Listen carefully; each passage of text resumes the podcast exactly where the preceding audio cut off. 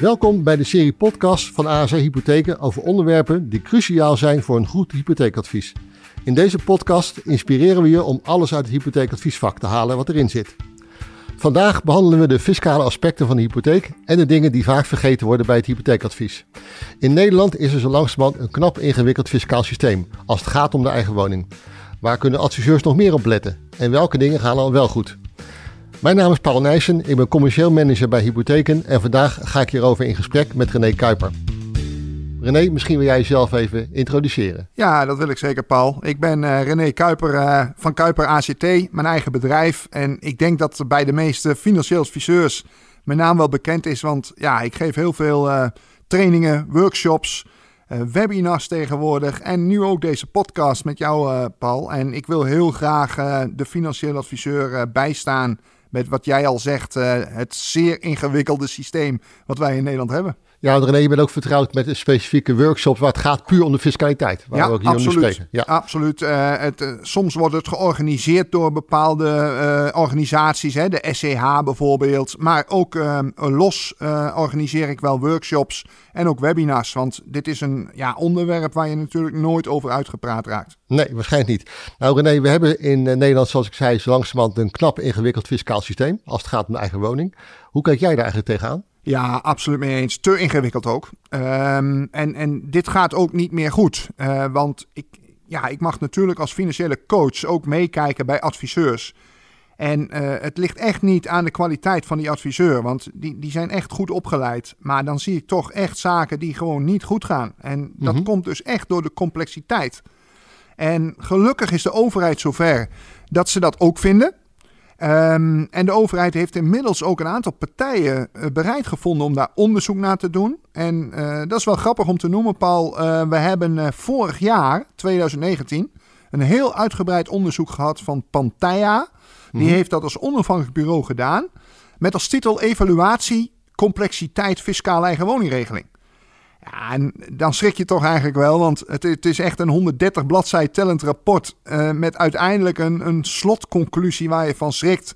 Nou ja, ik schrik er eigenlijk al niet meer van. Maar de eindconclusie was dat de regeling ja, gewoon niet meer uitvoerbaar is. Zelfs niet meer controleerbaar door een belastingdienst. Mm -hmm. En dus ook eigenlijk niet houdbaar. Nee, maar dus de conclusie eh, bevestigt eigenlijk het beeld wat wij in onze industrie al, al langer hebben. Ja. Van, het is dermate complex geworden en het is eigenlijk gewoon niet meer werkbaar. Nee, het is echt niet werkbaar. En, en dat komt natuurlijk ook omdat ze regeling op regeling stapelen. Mm -hmm. En dat snap ik wel. Maar um, ja, een uitzondering is mooi. Maar als je inmiddels 133 uitzonderingen hebt, ja, dan wordt het echt niet gemakkelijker. Nee, dan, dan werkt het niet meer. Nee. En als je nou kijkt naar het, uh, de vertaalslag maakt de hypotheekadviezen. Wat zijn dan de zaken die vaak vergeten worden om mee te nemen in, de, in het advies, advies naar jouw mening? Ja, en ver vergeten is ook altijd nog wel uh, ja, een lastig woord natuurlijk. Want uh, een adviseur gaat niet echt iets bewust vergeten. Tenminste, daar ga ik niet van uit. Maar omdat het zoveel is, hè, je moet rekening houden met de bijleenregeling. Dus met een overwaarde van de woning die je weer in de nieuwe woning moet stoppen. Je hebt nu ook te maken met een 30-jaarsperiode waar de renteaftrek uh, geldig is. Maar dan ook nog eens een keer met het nieuwe recht vanaf 2013, mm-hmm. hè, waar mensen mee te maken krijgen dat ze verplicht moeten aflossen in die 30 jaar. Ja, en dan, dan, dan lopen allerlei regelingen door elkaar van voor 2013, na 2013, overgangsrecht, nieuw recht. Ja, en dan wordt het, ja, vergeten is dan een woord, maar het is, het is gewoon te complex om het allemaal mee te nemen. Maar is het dan volgens jou naast complexiteit ook niet gewoon een stukje onwetendheid bij de klant? Of misschien een te beperkte inventarisatie door de adviseur? Of zijn er nog andere redenen? Ja, bij, bij, het is zeker ook bij de consument, daar ben ik het wel met je eens. Uh, ja, die vindt dat ook allemaal te lastig en die volgt dat natuurlijk ook allemaal niet. Je koopt maar één keer in de zoveel jaar een keer een huis, hè, sommigen maar twee, drie keer in hun leven. Dus die volgen dat niet. Maar de adviseur moet het wel allemaal volgen, ondanks ja, ook zijn drukke werkzaamheden.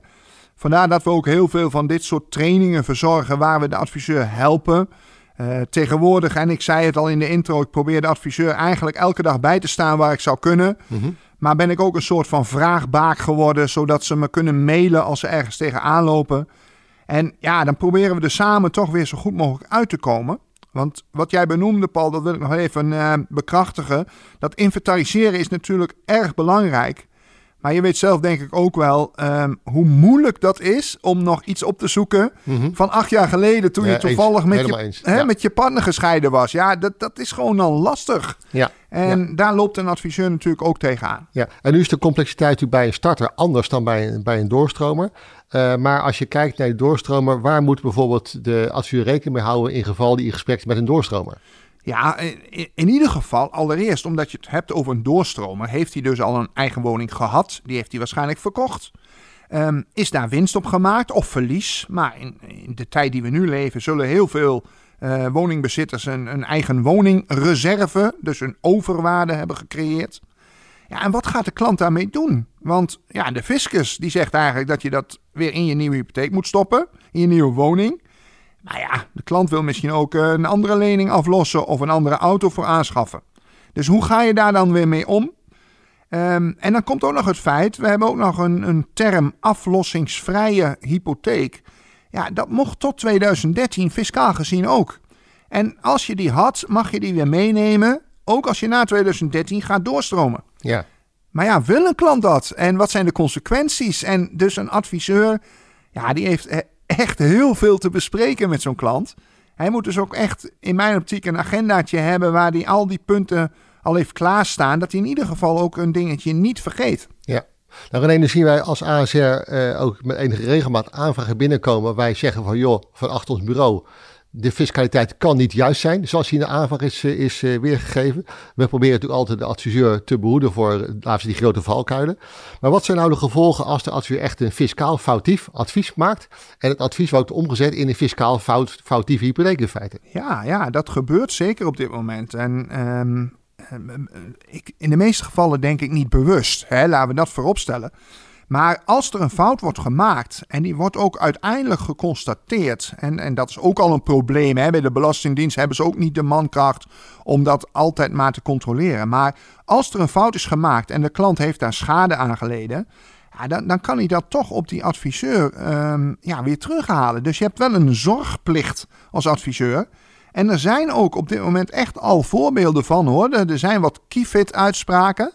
Ehm, waar een klant een klacht heeft ingediend. En waar het Kifid zegt: Goh, adviseur, je moet of de schade terugbetalen. of je hebt geen goed advies gegeven. Ik vind dat je die adviesvergoeding die je hebt gevraagd aan je klant. dat je die terug moet betalen, geheel of gedeeltelijk. En ja, je, het, het wordt lastig, maar je hebt nog steeds die zorgplicht. Dus je zult het ook wel goed moeten doen, denk ik, in mijn Ja. ogen. Anders loop je er tegenaan. Ja, de intentie moet zijn dat je het probeert goed te doen met alle middelen die ter beschikking staan. En eh, je bent ook altijd afhankelijk van ook de informatie die je krijgt van de klant. Ja, Ja. Zeker, Ja. zeker. En als je de informatie niet volledig hebt van de klant, vermeld het dan ook in je adviesrapport. Dat Ja. je uitgaat van de gegevens die jij tot je beschikking hebt gekregen van je klant. Ja. Zeg nou even terug naar het onderzoek van partijen wat je noemde. Eh, daar blijkt eigenlijk in feite ook al dat de, de huidige regeling nauwelijks meer uitvoerbaar en controleerbaar is. Er moet wat veranderen. Maar wat moet er nou volgens jou eigenlijk veranderen? Ja, nou, als eerste zou ik één woord echt bovenaan zetten. Als eerste moet ons systeem echt vereenvoudigd worden. Het is op dit moment met, met tientallen overgangsrechten en elke nieuwe regel op een bestaande regel geplakt, is het gewoon niet meer te doen. Dus ja, ik, ik ben er echt voorstander van om echt opnieuw te beginnen. En ja, daar zal natuurlijk zorgvuldig over nagedacht moeten worden. Dat is niet even in één weekje bedacht en uitgevoerd. Maar kom alsjeblieft met een compleet nieuw systeem die voor iedereen duidelijk is. En die ook echt voor iedereen geldt. Ja, maar wat zou dan echt jou- jouw visie zijn op, eh, laten we zeggen, een eventueel nieuw systeem? Nou ja, ik, tuurlijk heb ik daarover nagedacht. En ik word ook wel eens gevraagd om daar inderdaad over de toekomst over mee te denken. En ja, ik ben van mening dat de woning en de hypotheek die daarop rust... eigenlijk uit het fiscale getrokken moeten worden. Het is een fiscaal gedreven iets op dit moment. Dat is ooit zo gegroeid in, de, in het verleden om het eigen woningbezit te stimuleren. Nou, die tijd hebben we volgens mij een klein beetje achter de rug. Dus ik, ik ben ook absoluut geen voorstander van wat sommige mensen wel beweren. om de woning maar naar onze box 3 te verplaatsen, naar de vermogensbox. Ja, maar dan wordt het weer een fiscaal iets. Dus ja, als je mij vraagt, en eh, ik weet dat er allerlei consequenties aan vastzitten. maar zou ik eigenlijk die hele eigen woning wel, eh, zo met een mooi moeilijk woord, defiscaliseren. Dus eigenlijk uit het fiscale trekken. En ja, wellicht ter compensatie kun je van bepaalde kwetsbare groepen hè, een heffingskorting geven. Zoals je ook een heffingskorting hebt op kinderopvang of op huurtoeslag of noem maar op. Zodat mensen toch wel ook in een bepaalde kwetsbare groep wel een woning kunnen kopen. Dus eigenlijk zeg je, eh, zowel de eigen woning niet meer in box 1, maar ook zeker niet in box 3. Nee. En verzinnen andere regelingen voor die mensen die blijkbaar daarvoor gecompenseerd moeten worden. Ja, in principe kijk naar je auto. Je auto zit natuurlijk ook niet in box 1. Je mhm. auto zit ook niet in box 3 als vermogen. Dus er zijn wel meerdere uh, bestanddelen in ons leven die, Die, die geen fiscaliteit hebben. Ja. Nou René, we, we, we spreken wel vaker ook in, de, in de, de, de pers en de, de evenementen waar we elkaar tegenkomen over... joh, wanneer is al het moment daar zijn dat iets gaat gebeuren in de regeling? Heb jij nu wat zicht op, uh, op dit onderwerp? Het is natuurlijk een politiek onderwerp, hè? Ja, zeker. zeker. Nou, wat het mooie is, en ik, ja, we gaan natuurlijk hier... Uh, niet alles vertellen wat al bekend is, maar wat wel bekend is, en dat is algemeen bekend, is dat toch de overheid ook heeft verzocht om dit te onderzoeken. En dat ze ook met z'n allen hebben afgesproken. Dus ja, ze kunnen zich er niet meer achter verschuilen straks bij de verkiezingen. Uh, we moeten er wel iets mee doen. Als zo'n onderzoek zegt dat het niet uitvoerbaar, niet controleerbaar en niet houdbaar is, ja, dan kun je niet meer als politieke partij gaan roepen: ja, wij houden ons oude systeem. Dus ik denk wel degelijk dat er iets gaat veranderen. Alleen, ja, dit gaat echt niet zonder slag of stoot. Dit kan zomaar uh, een jaartje of vier, vijf duren. Want je moet het ook nog implementeren door de Belastingdienst. Hè? Je moet het berekenen, je moet mhm. het uitvoeren, consequenties bepalen. Uit, nou, dit gaat echt niet uh, eh, 2021 gebeuren, daar ben ik van overtuigd. je dat er wel al in de komende kabinetsperiode? Poeh, ja, dat is een goede. Ja, officieel, ze hebben dat eigenlijk met elkaar afgesproken dat het wel de bedoeling is. Maar ja, dat weet je net zo goed als ik, Paul, dat, dat afspraken worden niet altijd nagekomen. Nee. Maar het volgende kabinet zal er zeker een start mee maken. Als ze het eenmaal afkrijgen, ja, dat ligt natuurlijk ook aan het feit hoe lang het volgende kabinet het volhoudt. Hè. De laatste kabinetten zingen het behoorlijk uit tot het eind. Maar we hebben natuurlijk ook gezien dat het soms na een half jaar of een jaar al valt. Um, dus het, het, ja, het ligt er maar aan. We hebben net uh, toch in het nieuws uh, recent weer gehoord dat Wopke Hoekstra... dat ja, toch ook roept in de pers dat, um, dat er iets moet gebeuren aan die hypotheekrenteaftrek. Dus ik geloof wel zeker dat er, uh, het volgende kabinet het zeker gaat aanpakken. Ja, en alle mensen worden blijkbaar rijp gemaakt voor dat onderwerp. Dat denk ik dat wel. Dat is wat je kunt zeggen, ja. En René, even dit onderwerp afronden. Even terug naar, naar uh, iets wat we al eerder uh, hadden. Jij noemde even waar het gaat om verkeerde fiscaliteit uh, toe, verkeerd toepassen van de eigen woningreserve. Heb je daar een voorbeeld van wat we kunnen behandelen? Ja, dat denk ik wel. Want um, kijk, zo'n eigen woningreserve, um, de fiscus zegt die ontstaat bij de verkoop van de woning. Maar ja, we weten allemaal, de verkoop van de woning kan natuurlijk ook best wel eens plaatsvinden nadat je de nieuwe woning al hebt aangekocht. Dus weet je dan op dat moment al wat de eigen woningreserve gaat worden? Nou, vaak niet.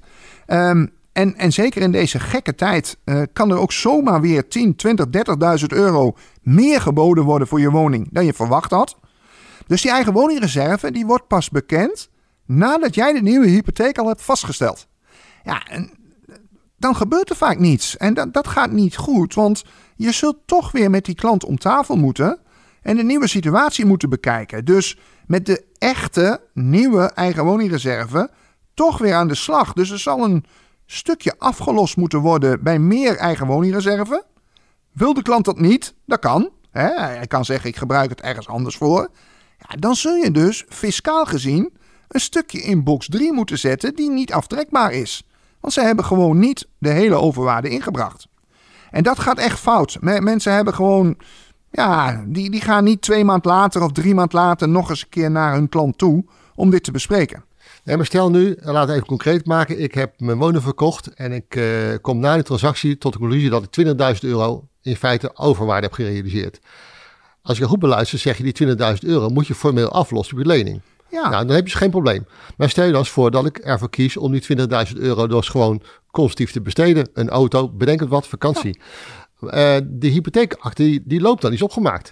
Dat klopt. De geldverstrekker houdt rekening met het feit dat ook de jaaropgaven volledig eh, uitgaan van box 1. En dat, dat geheel past dan niet meer. Nee. Hoe, hoe, hoe, moet je dat oplossen? Ja, nou dat is dus, vind ik, natuurlijk zul je altijd zeggen, de verantwoording voor de consument. Ja, daar ben ik het mee eens. Maar de consument heeft jou ingeroepen als adviseur om te helpen. Ja. Dus ik vind dat hier absoluut eh, of een gesprekje of een e-mailtje moet plaatsvinden. Dat ze dus 20.000 euro in jouw geval niet kunnen aftrekken van hun hypotheekrente. Ja, en als ze het wel of niet doen, dat ligt wel natuurlijk bij de verantwoording bij de consument. Maar jij als adviseur moet hier zeker aandacht aan besteden en het vermelden aan je consument. Ja, maar ben je er daarmee dan? Want naar mijn mening zou je in feite ook terug moeten naar de geldverstrekker om de hele constructie van de lening te veranderen en hierop aan te passen. Ja, als je het helemaal goed zou willen doen, zou je zeker even terug moeten gaan. En ja, maar wat zou je dan willen, Paul? Stel dat het bij ASR gebeurt en je zou zeggen: ja, maar het was een maximale hypotheek. Nu kan het niet meer. Ze moeten het huis weer verkopen. Ja. Dat zal niet gebeuren, denk ik. Nee, dan krijg je elementen die je eigenlijk met elkaar niet wil. Nee. Dus wat dat betreft vind ik, ehm, ja, in mijn optiek, tuurlijk zou het netter zijn om ook de geldverstrekker even op de hoogte te brengen, zodat ze het goed kunnen doorgeven aan de Belastingdienst. Ja, Eh, lukt dat niet, dan vind ik het nog steeds de taak van jou als adviseur om dat aan je consument te vermelden. ja. En ja, en vervolgens, hè, je bent geen papa mama van de consument. Als ze het zelf eh, inderdaad dan niet doen, ja, er blijft een stukje verantwoording bij de consument liggen. Ja, maar goed, er zijn ook, ook talloze voorbeelden te noemen, denk ik, waar je over zou kunnen spreken. Ehm, een nieuw fiscaal regime laat dus nog wel even wachten. Eh, hoe moet, naar jouw mening, de hypotheekadviseur daarmee omgaan tot het moment dat er een nieuw systeem komt, als dat dan gaat komen? Ja, kijk, eh, ze hadden tien jaar geleden er ook al over hè, dat het misschien veranderd zou worden. Nou, als je toen niks had gedaan, had je tien jaar lang fouten gemaakt. Dus ik vind gewoon dat je heel goed op de hoogte moet blijven. Je moet je verdiepen in de materie. Het is je vak. Hè, zorgen dat je dossiers op orde zijn. En als je twijfelt, ik zei het in het begin bij mijn introductie, er zijn genoeg mensen waar je even mee kunt sparren. Een fiscalist, een jurist, of zoals René, hè, die, die, die mensen die je helpen bij moeilijke zaken. Ehm, ga absoluut wel eh, je blijven verdiepen. En ik vind het ook heel fijn dat jullie als ASR bijvoorbeeld heel vaak kennissessies aanbieden, workshops zodat eh, de adviseur ook de mogelijkheid heeft eh, om op de hoogte te blijven. Ja, ja, want je vindt dat wij als geldstekker daar ook zeker een rol in hebben. Ja, dat vind Ja. ik zeker, want eh, we doen het echt samen. Hè, we moeten het als adviseur samen met de geldverstrekker en de consument in een driehoeksverhouding doen. En nee, we moeten elkaar helpen, zeker ondersteunen. Maar stel nu dat we straks een, eigenlijk een hele simpele fiscale regeling kennen, die voor iedereen, laten we zeggen, goed uitlegbaar is. Wat betekent het dan, eh, naar jouw mening, voor de rol van de hypotheekadviseur? Die verandert natuurlijk. Ja, die gaat zeg, zeker anders worden. En eh, de- ja, ik ben er ook al een tijdje mee bezig hoor, om, om eh, zeker in groepen waar ik voor mag staan, om toch ook de financieel adviseur inmiddels al wel ja, langzaam te gaan voorbereiden als dit wel gebeurt. Je zult dus wel adviseur blijven. Hè? Laten we eerlijk zijn, ook al zou de hypotheek niet meer fiscaal gedreven zijn. Ehm, de klant moet nog steeds advies. Ook over alle risico's die die loopt. Zeker bijvoorbeeld ook over eh, verduurzaamheid van de woning, eh, pensioen. Ook voor een jong iemand kan pensioen best interessant zijn. Ehm, dus je gaat meer in de richting van financieel planner in plaats van hypotheekadviseur. Ja, zeggen nee, we hebben afgesproken dat we gezamenlijk eh, een aantal sessies gaan organiseren, PE-sessies, rond het onderwerp fiscaliteit. Kun je nu al aangeven welke onderwerp je daar specifiek gaat behandelen? Ja, dat, dat blijft altijd nog wel weer lastig, Paul. eh, want ik wil het altijd op de actualiteit baseren. Dus ik wil eh, echt inspringen wat er op dat moment speelt. Dat kan natuurlijk van alles zijn, hè? Nieuwe wetswijzigingen die er gaan komen. En ja, dan vind ik het wel belangrijk om op dat moment ook eh, ja, echt de nieuwe dingen te bespreken. Maar natuurlijk kan de adviseur ervan uitgaan dat we altijd een boeiende, maar ook praktijkgerichte sessie. Ik pak heel veel praktijksituaties erbij. Dus ik geloof dat elke financieel adviseur eh, er echt weer iets aan heeft aan deze sessies. Ja, ik denk met name de laatste is belangrijk. We weten uit ervaring dat de adviseurs echt zitten te springen op eh, praktijkcasus. Eh, niet de droog, maar vooral de casuïstiek. En daar gaan we op inzoomen. Ja, dat ga ik zeker doen met al mijn kennis vanuit de mail die ik ontvang van de adviseurs waar ze tegenaan lopen dagelijks. Dus eh, ik, ik heb echt praktijksituaties genoeg om een, eh, een hele leuke en boeiende sessie van te maken. Nou, goed horen. René, daarmee zijn wij zo'n beetje aan het einde van eh, de informatie die we in deze podcast eh, met de adviseurs willen delen. Ik wil je graag bedanken voor je enthousiaste inbreng en opheldering van een aantal fiscale aspecten van de hypotheek. Vooral ook waar de adviseurs op moeten letten in hun advies en in hun dossier. En ook uw luisteraars bedanken voor uw luisterend oor naar deze podcast. Vond je deze podcast nu interessant? En luister dan ook even naar onze andere podcasts over de onderwerpen starters op de woningmarkt of verduurzaming van de woning. Dank jullie wel.